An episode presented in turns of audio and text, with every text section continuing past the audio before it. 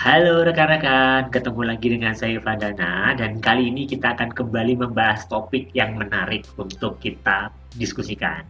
Topik kali ini adalah sangat relevan dengan kondisi saat ini, yaitu bagaimana mengelola tim dari rumah. Kenapa topik ini kemudian perlu dan penting saya rasa untuk dibahas? Karena berdasarkan pengalaman saya, komunikasi yang saya lakukan dengan beberapa rekan-rekan di perusahaan yang saat ini berprofesi dan di level uh, supervisor, mereka mengeluhkan apa yang mereka keluhkan? Mereka mengeluhkan kondisi yang membuat mereka kesulitan untuk menjangkau timnya. Kalau dulunya ketika mereka mengelola tim untuk memonitor tim, mereka bisa melihat secara langsung, tapi dengan kondisi bekerja di rumah seperti ini, mereka menghadapi kendala untuk mengkoordinasikan timnya dalam rangka mencapai target. Tapi pertanyaan kemudian yang kemudian terucap dan saya pikirkan adalah apakah benar bekerja di rumah ini berdampak negatif terhadap pencapaian dan sebegitu sulitnya untuk dikelola?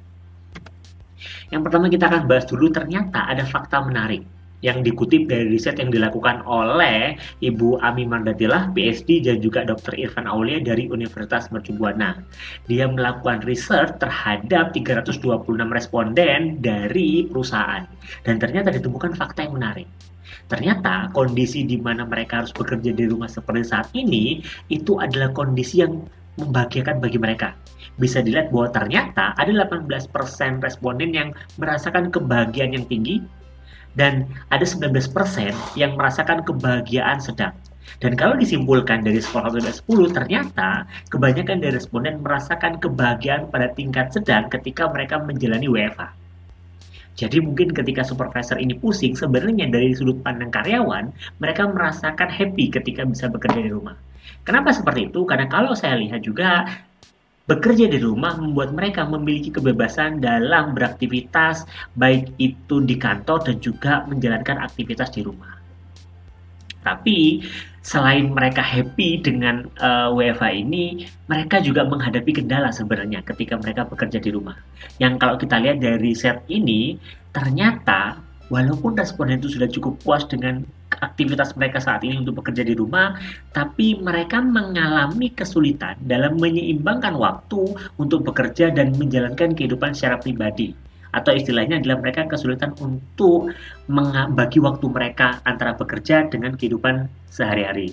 Kenapa seperti itu? Ya jelas, karena ketika kita bekerja dari rumah, otomatis ada pekerjaan dari kantor yang kita kerjakan di rumah, sedangkan di rumah kita juga punya tanggung jawab yang harus kita jalankan apalagi ketika anak kita ternyata tidak uh, sekolah dan dia sekolahnya dari school for home atau dari rumah juga. Ini akan menjadi kompleksitas yang menarik. Lantas apa sih yang perlu kita lakukan sebagai seorang leader?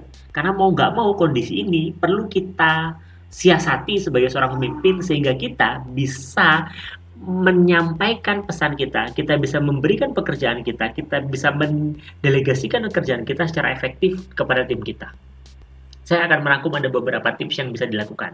Yang pertama adalah seorang leader harus memahami bahwa kondisi ini membahagiakan bagi mereka, tapi di sisi mereka mengalami kesulitan untuk fokus. Maka yang harus dilakukan oleh seorang leader adalah tentukan tujuan dengan jelas. Dan kalau perlu tujuan ini tidak perlu tujuan yang mengawang-awang, tapi tujuan mingguan bahkan harian. Tentukan dan sampaikan kepada tim kita bahwa hari ini kita mau mencapai A. Minggu ini kita mau mencapai A Saran saya hanya di harian dan mingguan terlebih dahulu, karena kalau sudah di level bulanan biasanya akan kompleksitasnya lebih tinggi. Dan selain kita sudah menentukan tujuan yang jelas, apa yang ingin dicapai, apa harapan dari seorang leader kepada timnya, pastikan kita memberikan kebebasan. Maksudnya kebebasan, mereka disuruh kerja sepuasnya, sebebas-bebasnya. Enggak juga, tapi pastikan mereka memiliki kebebasan untuk mengelola pekerjaan mereka dalam mencapai target dan kita juga harus memonitor dengan rutin progresnya. Jadi nggak perlu di progres di apa ya dikelola terus menerus atau diawasi terus menerus, tapi berikan kepercayaan kepada mereka. Sebagai leader kita harus memberikan kepercayaan kepada mereka untuk mengelola dan membagi aktivitasnya. Tentunya ketika kita rasa sebagai leader ada yang kurang, tugas kita adalah tetap memberikan feedback. Itu yang pertama. Dan yang kedua adalah maksimalkan penggunaan teknologi mungkin sebagian dari rekan-rekan sini juga merasa kan saya sudah saya sudah memaksimalkan teknologi ini gunanya pakai WhatsApp. Nah ini yang mau saya uh, sampaikan. Kalau kita lihat dari data yang disampaikan di awal tadi kebanyakan karyawan mengalami kesulitan dalam mengelola fokusnya. Biasanya ini terjadi karena terlalu banyak pesan yang masuk.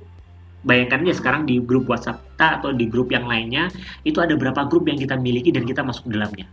Bayangkan ketika ternyata di grup ada grup tambahan, grup pekerjaan dan itu menjejali karyawan kita dengan banyak-banyak pesan. Mereka pasti akan pusing dan bahkan mereka ngerasa khawatir dan ketakutan ketika membuka pesan uh, handphone mereka, pesan yang ada di handphone. Terus gimana? Apakah saya nggak boleh lewat WhatsApp? Nah ini yang perlu uh, kita sebagai leader lakukan, yaitu kita mulai coba untuk memilah penggunaan teknologi yang kita gunakan untuk berkomunikasi dengan mereka. Contoh misalkan, kalau misalkan ini adalah pesan atau instruksi yang harus segera mereka tanggapi dan respon cepat, bisa menggunakan WhatsApp. Tapi kalau ternyata tidak harus direspon sekarang, bisa menggunakan email. Dan kalau ternyata yang harus dikerjakan detik ini juga sih, tapi hari ini harus selesai, bisa juga menggunakan platform lain, seperti Asana mungkin, ataupun Basecamp. Pastikan kita menggunakan beberapa pilihan platform sesuai dengan fungsi dan tujuannya masing-masing. Karena seperti yang kita tahu, masing-masing platform diciptakan itu sudah ada fungsinya. WhatsApp group mungkin sekarang familiar, tapi jangan sampai kita membebani tim kita dengan pesan terlalu banyak di WhatsApp group yang akhirnya membuat mereka kesusahan dalam memahami pesannya dan mereka pusing dan lelah.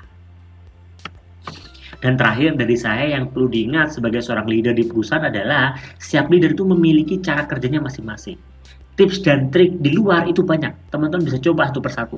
Tapi saran saya adalah silahkan temukan style yang tepat dalam hal kita mengelola tim kita.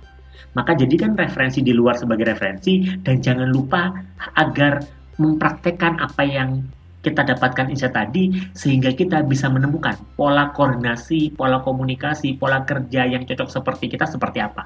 Karena seperti yang saya mau bilang, cara kerja A bisa jadi cocok di perusahaan A tapi tidak cocok di perusahaan B.